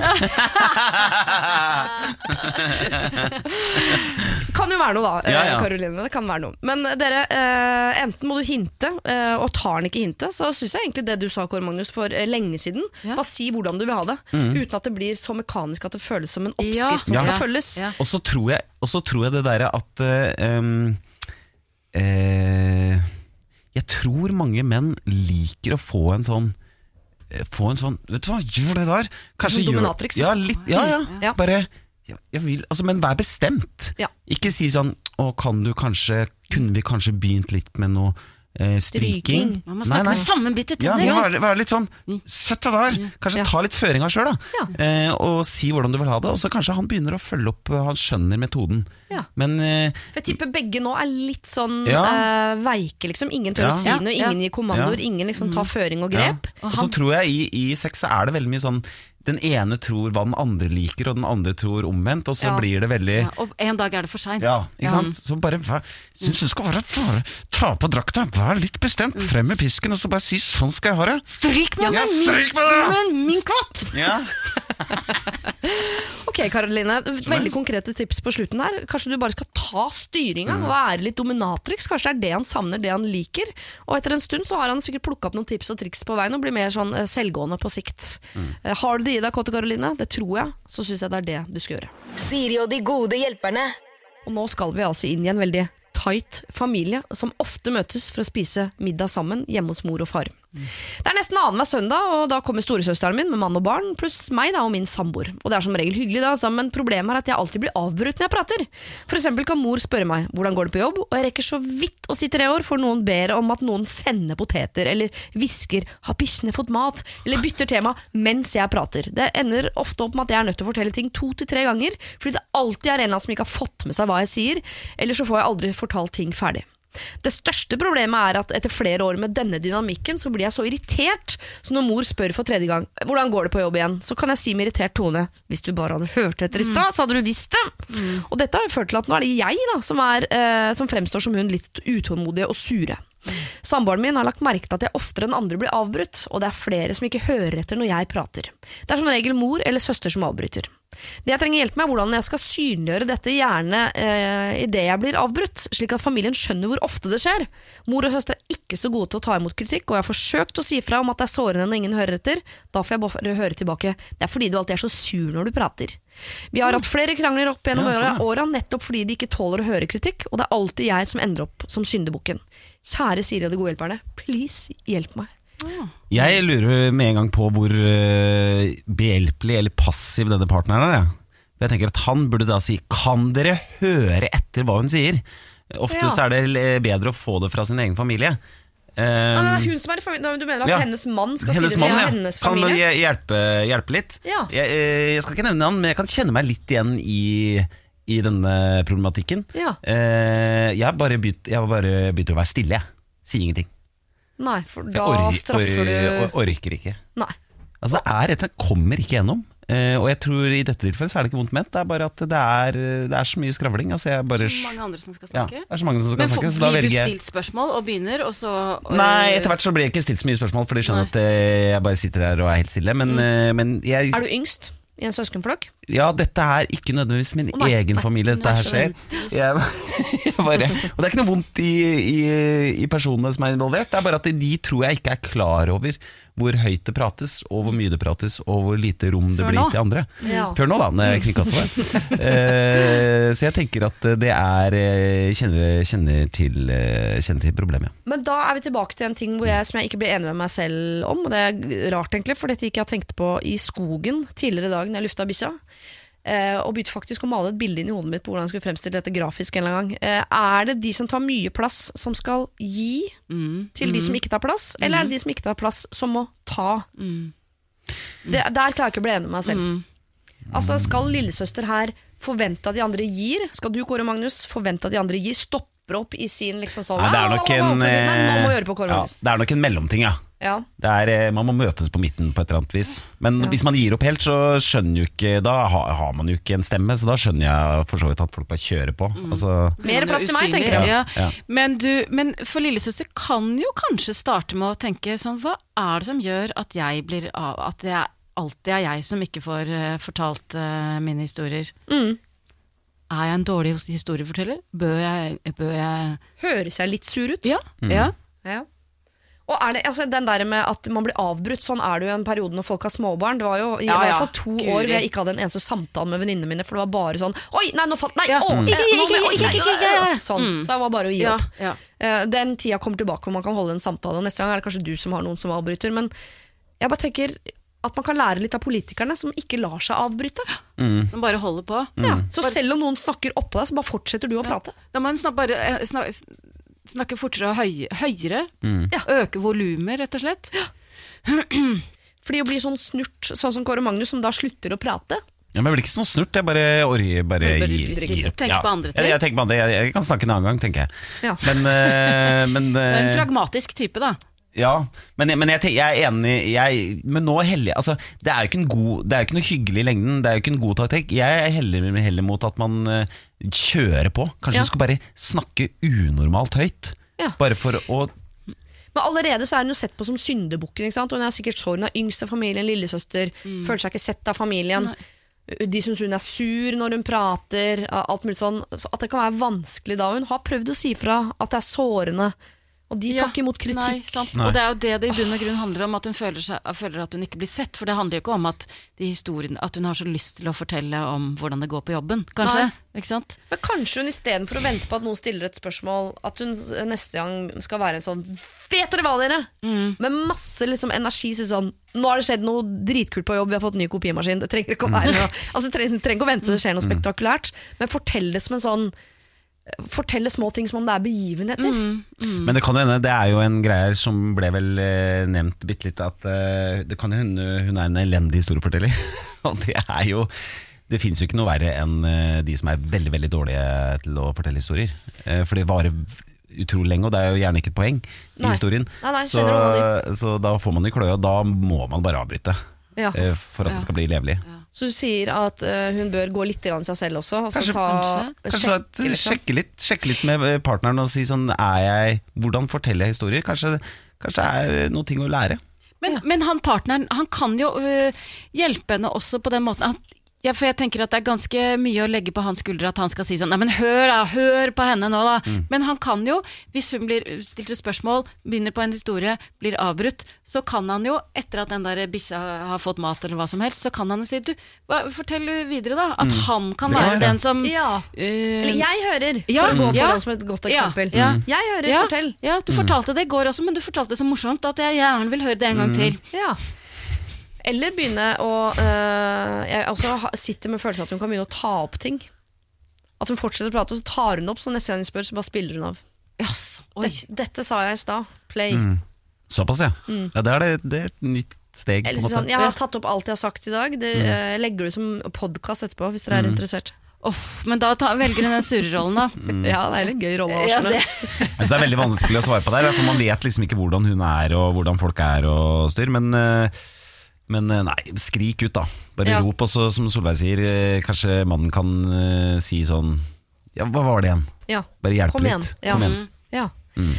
Jeg tenker at uh, du, Her har du en familie som tar mye plass. Du uh, gjør det ikke, i hvert fall ikke på samme måten. Vi vet ikke hvorfor dynamikken har blitt sånn, men ta litt mer plass. Ikke gi opp, ikke la deg bli avbrutt. Og samarbeid med mannen din, sånn at han gjerne vil høre historien. Og han minner på igjen når eh, det der brødet har blitt sendt og den ungen har fått uh, ny bleie. Sånn, du var midt i noe greier om kopimaskinen på var det At han kan drifte din historie litt. Grann. Og så ber vi deg også, bare fordi vi ikke kjenner deg, gå en liten runde med deg sjøl på Kan det være noe med måten du forteller historier på? Kan det hende at det er noe i det de sier på hvordan du fremlegger en historie? I så fall så se om det er noe der du kan jobbe med. Gå på sånn historiefortellingskurs, dramaturgikurs.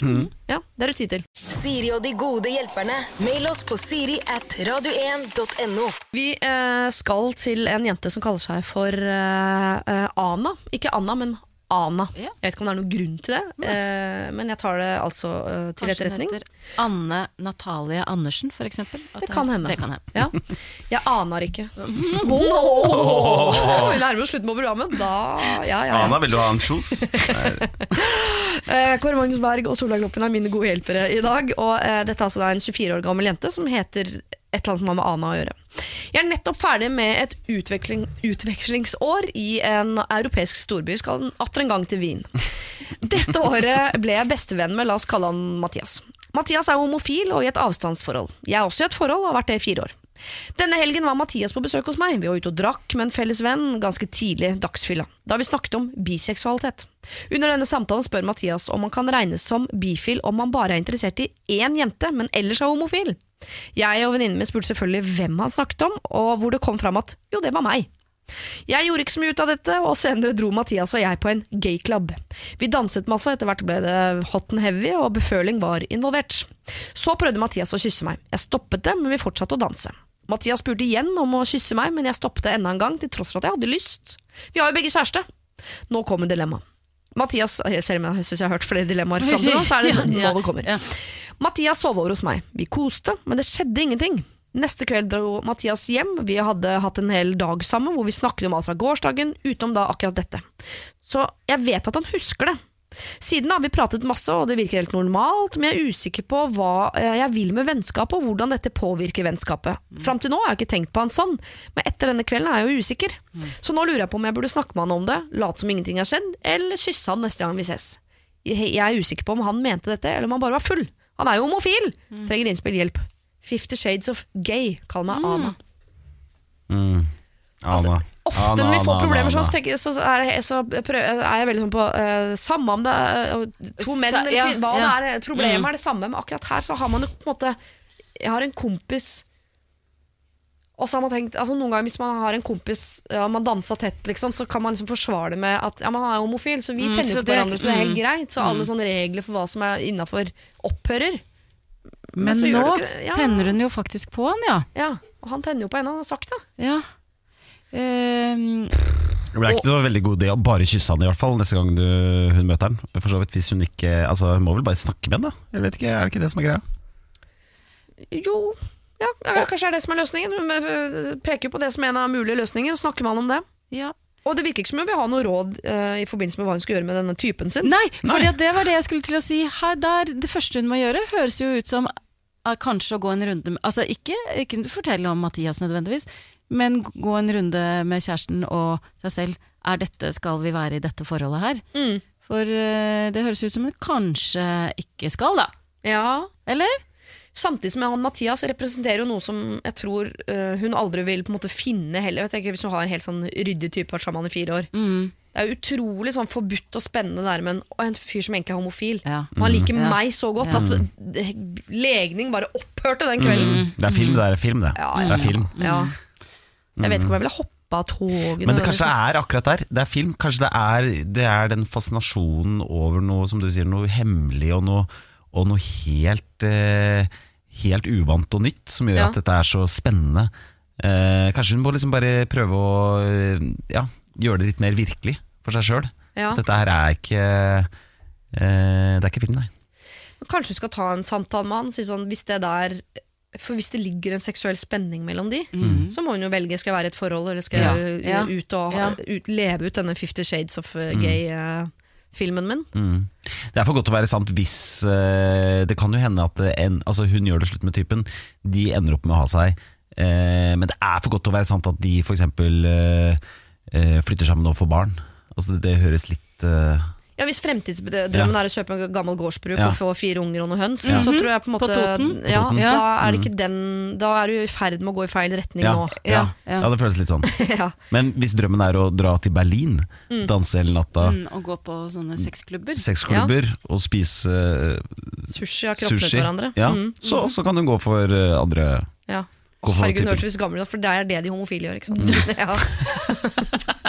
veldig, veldig Nei, ikke, Dra til. Moss, da! Dra til Moss, danse hele natta.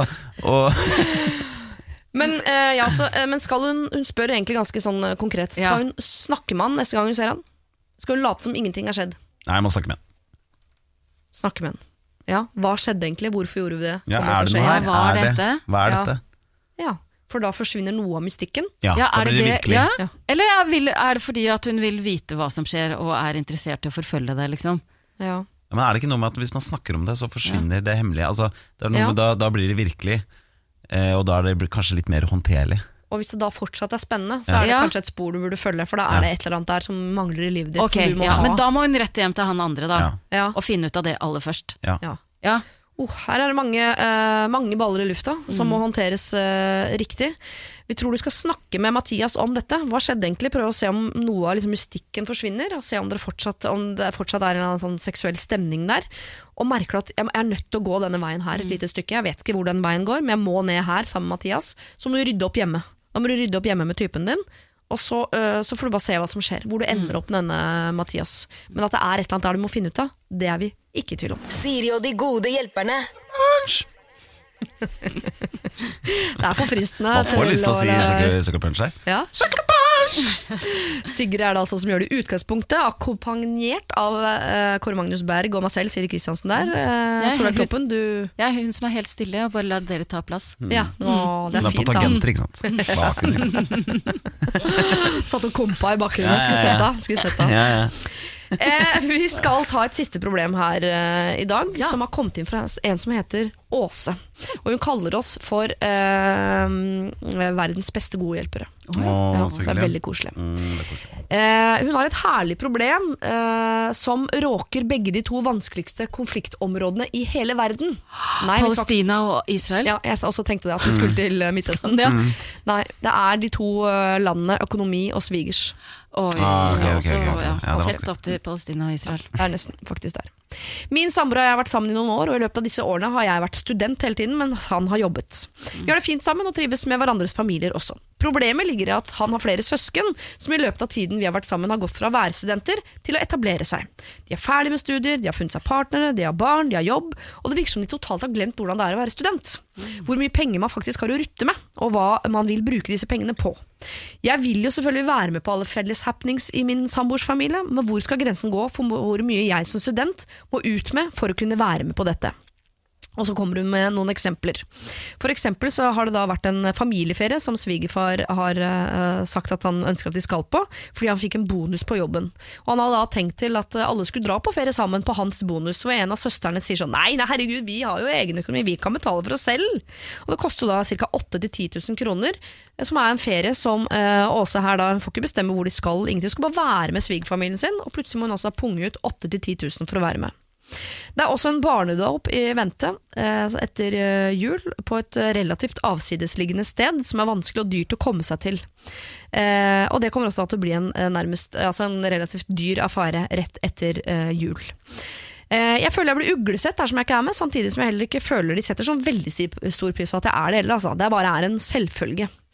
Jeg forventer ikke at noen andre skal betale for meg, jeg betaler jo øh, min andel, men øh, nå legges det opp til at det skal være en hel haug med aktiviteter så, øh, som ikke er beregnet på meg og min økonomiske situasjon. Hvor mye penger skal jeg bruke på å delta på disse familieeventene? Åh, Samboer har forståelse for at uh, dette blir dumt, men han er ikke så gira på å si noe til mitt forsvar. så hva skal han gjøre da? Skal han droppe disse tingene med svigers? Mm. Ok, Guri. Å bruke 10 000 kroner på en barndopp er- føles jo veldig meningsløst, Ja. selvfølgelig. Ja, ja. Men jeg syns også det ligger noen forventninger om at hele hans familie skal ta hensyn til at nå har vi en Men han må jo stille Åh, det her kjenner jeg blir irritert på. Det å være sånn gissel i en sånn derre når man har dårlig råd. Ja. Dette har man jo opplevd før tidligere. Når man liksom, ja, det er utdrikningslag. Ja, det blir bare 3000 per hode. Hæ?!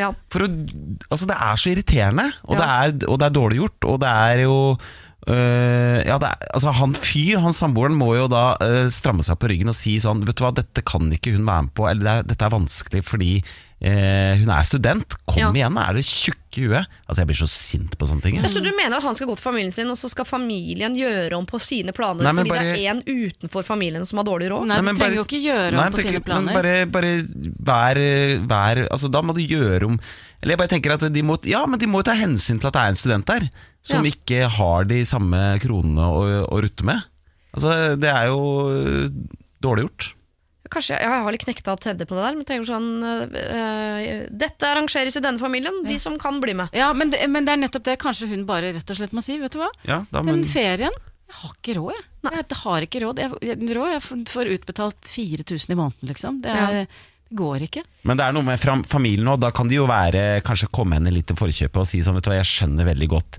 Hvis du synes det er vanskelig å være med på det her Ja. eh, Siden du er student Så ikke hun sitter igjen med dårlig følelse Og, og hele ansvaret Ja, Og der da- kan han typen hjelpe litt Ja, til for da da. kunne jo kanskje han eh, eh, samboeren sagt til sin far da, at du Ja. så raus du eh, eh, er, og det at du hadde tenkt å spandere på hele familien er jo fantastisk, men nå er det faktisk sånn at min kjæreste, hun har ikke råd, så kan, Råd? Jeg sier råd. Råd. Det er sånn det skrives. Ja, det er det. Men jeg pleier å si at den er stum. men men eh, kanskje han kan foreslå at faren kan betale for bare henne, da? Men denne typen som jo drar inn nå, eh, fordi det er han som er bindelendet til familien, så jeg er helt eh, enig i at noe av løsningen må ligge der. Men han er jo i full jobb, er det ikke da han som skal forsørge sin kjære? Jeg tenker, hvis jeg hadde vært far i en familie, jeg hadde tre barn, eh, alle skulle være med, alle betalte, og så har mm. yngstegutten fått seg dame, var student fortsatt. Hun hadde ikke råd. Jeg vil bare synes det var litt rart at og jeg, jeg skal ikke betale for mine barn av kjøtt og blod, men hun derre Hun derre, Ja, ja, hun skal jeg betale for. Det, det jeg ville bare synes at eh, det var litt rart. Da ville jeg tenkt at uh, kanskje sønnen min måtte betale for sitt følge. Ja, og hvis, Vi vet jo ikke hva slags jobb han har, men hvis han selvfølgelig har en jobb med god inntekt, så må han jo steppe opp. Det er jo noen par som forts, altså, selv om de har vært sammen i mange år, har delt økonomi. Ja. At det er sånn dette er, og Kan jeg låne penger av deg? Ja, da må du sette over. Som er, Ja. føler jeg er helt ko-ko. Så, så jeg, jeg føler at det ligger et litt ansvar på han her, altså. Ja. Men økonomisk eller sånn dialog? Ja, ja, Hvis han har en veldig god jobb, så må han jo bare trå til, selvfølgelig. Eh, og være med å betale gilde. Men, men hvis han ikke har det, eh, så må han si ifra til familien sin. Mm. Og så kanskje de kan sende en melding og si sånn Jeg skjønner at det er vanskelig for deg å være med på det her. Mm. Eh, sånn at ikke hun sitter igjen med dårlig samvittighet. Ja, for jeg tror kanskje jeg kunne ha gått til mutter'n og sagt sånn Vi har ikke råd til å bli med, vi. At jeg ville gjort det som par. Vår felles økonomi, Mm. Ja. Mm. som jo er egentlig en halv økonomi. Vi får ikke vært med, så hvis vi skal være med, så må dere spytte inn noen midler. Ja. Men ikke sånn 'jeg er råd', altså! Men hun der, du der studenten. Ja, det er akkurat det. Hun har ikke råd, hun. Nei, de er jo to. Ja. De må gå i det sammen. Jeg er helt enig. ja. Ja, -hmm. Legg det fram sånn, Mm. rett og slett. Ja. Ja. Du er ikke enig, Solveig? Nei. Nei. Nei, ja, nei, jeg tenker at øh, hun øh, bare kan si 'vet du hva, jeg har ikke råd'. Det går ikke. Så, og så er det opp til dem. Så er det deres problem, på en måte. Det er til familien, ikke til typen, men til familien. Ja. har jeg har ikke råd til å bli Ja, har- be- beklager. Det, Ja. det er sikkert veldig hyggelig, men øh, det har jeg ikke råd til. Jeg, Men kan du si det da på en litt hyggelig måte sånn Åh, jeg gleder meg til jeg er ferdig å studere, for det blir hun en eller annen gang. Ja. Da skal jeg være med på Sorry, folkens, da skal Ja. jeg begynne på alt. Akkurat nå bare Går Jeg har masse å lese, Mm. lite økonomi. ja. Den sydenturen høres helt fantastisk ut. Jeg kommer selvfølgelig da opp. Sydentur jeg, jeg kan ikke prioritere det nå, Mm. men om fem år, I'm in. For det er jo ikke noe, sånn sett noe stor greie for henne. Det er ikke sånn at hun har så veldig stort ønske om å være med på alle de tingene heller, høres det ut som. Ja, det høres ut som hun i så fall litt lyst til å, få en gratis tur til Syden. Ja, det skjønner jeg, for det skjønner jeg. alle mennesker ja, lyst til. Ja, Også de med penger har lyst på jeg blir jo gratis tur veldig til Syden. irritert på hun søsteren også, som ikke klarer å, å tenke lenger enn den bitte, bitte lille spisse nesa si. Ja, med mindre hun har tenkt veldig mye lenger til sånn. Det er en måte å bli kvitt huet på. Ja, det kan jo hende. Mm. Den slemme, onde Det kan stesøsteren. hende. Ja. Mm. Åse, dette er, eh, det høres ut som dette er et problem du legger på dine egne skuldre. Her eh, har vi to skuldre til vi kan legge det på, og det er typen din. Dette er et eh, felles problem dere har. Eh, det her syns jeg dere skal ha fellesøkonomi. Det er hans familie, så her må han ta ansvar, enten man går i dialog med sin familie, eller om han bare spytter inn de pengene. For Hvis det er viktig for han at du blir med, så må han hjelpe til, sånn at det lar seg gjøre på en eller annen måte. Dette er ikke et problem du på noe som helst tidspunkt skal uh, bære alene. Siri og de gode hjelperne. Og nå har vi kommet dit hen i dette programmet som heter Siri og de gode hjelperne, hvor vi skal dele ut noen handlenett. Sola Kloppen skal få dele ut på et tidspunkt, og det skal du også, Kåre Magnus Berg, men først så skal jeg gi uh, et handlenett til uh, dere som har fått hjelp i dag. Og det er jo da Linn som skal tilbake til en storby i Europa hun nettopp har vært i, hvor hun matchet med en fyr på Tinder som hun vurderer å treffe når hun er der. Samtidig skal hun dit tilfeldigvis med en fjern kollega som også har lyst til å treffe henne der. Så hun har to potensielle dater i samme by på samme dag. Eh, og vi gikk vel for en slags eh, ja takk, begge deler-løsning der, hvor du skal holde begge to litt på lunk. Karoline er oppvokst uten en far, og hun syns det er kleint når folk spør om et eller annet som har med fedre eller familie å hva hun skal si, for at ikke folk skal bli sånn 'Å ja, du har ikke pappa', og så syns de det liksom er vanskelig å gå videre i samtalen. Der ga vi deg noen uh, verktøy på hva du skal si for å avvæpne situasjonen, for at folk skal forstå med en gang at dette har ikke du noe problemer med, for så å gå videre i samtalen du. Sara lever på en livsløgn. Hun er 21 år gammel og har hele sin oppvekst eh, latt som overfor sin familie at hun har veldig veldig gode karakterer på skolen. Hun er egentlig ikke så glad i å gå på skole og gå på et studie nå hun bare vil hoppe av, og det skal du. Du skal hoppe av det studiet, og du skal si hvorfor, men du trenger ikke å fortelle om alle de årene med løgn. Det kan du eventuelt spare. Kristin er både en god venn og en god søster. Altså Venninnen hennes har blitt sammen med broren, og hun er usikker på hvor lojaliteten skal ligge. Der anbefalte vi deg Kristin, å bare si ifra om at jeg har tenkt å oppføre meg som en sil. Alt dere sier til meg, kommer til å gå videre.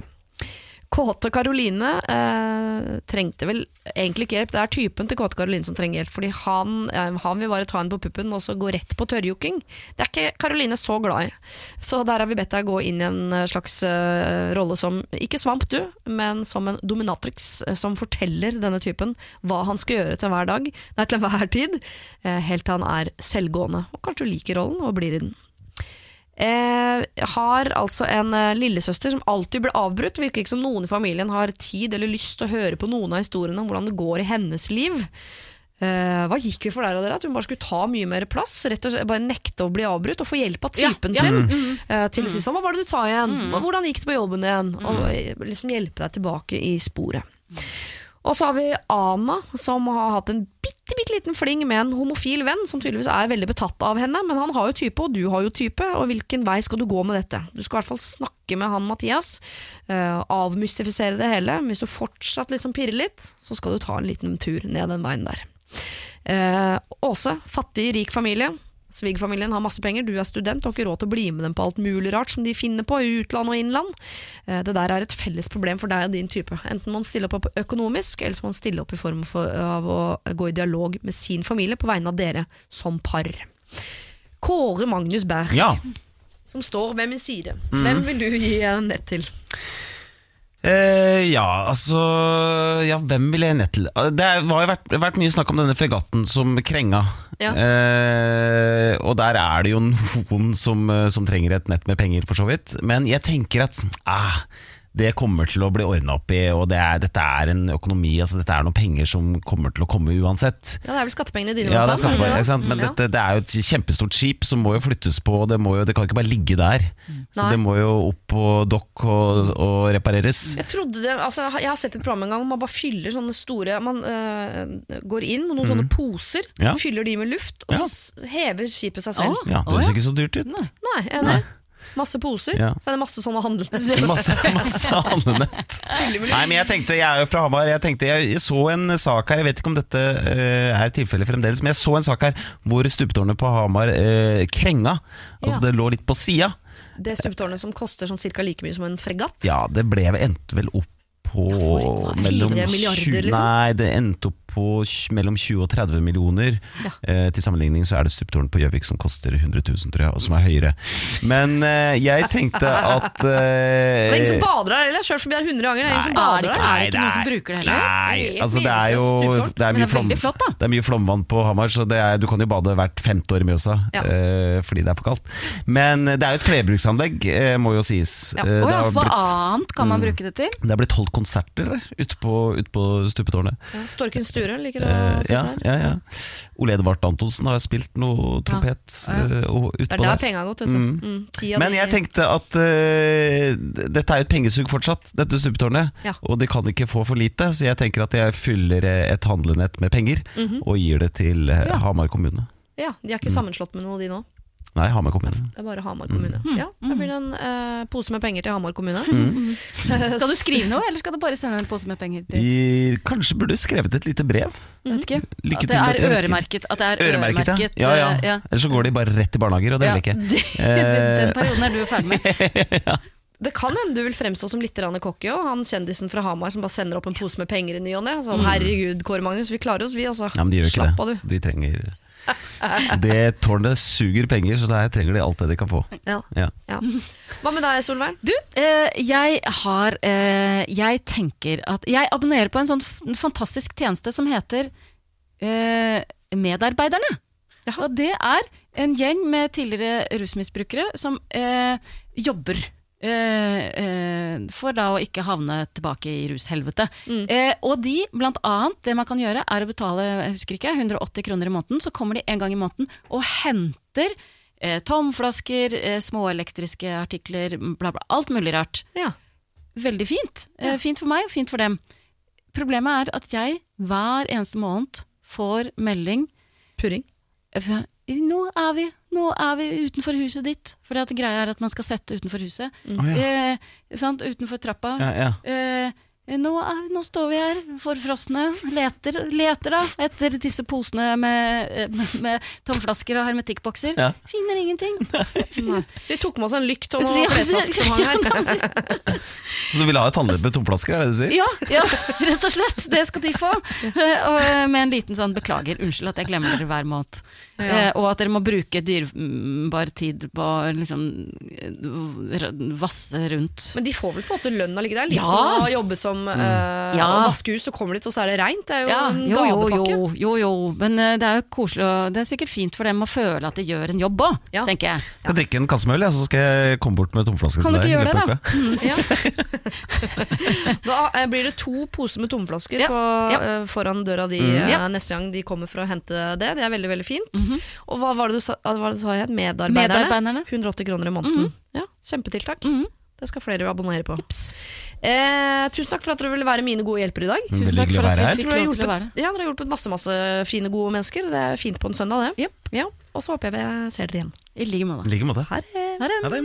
Siri og de gode hjelperne.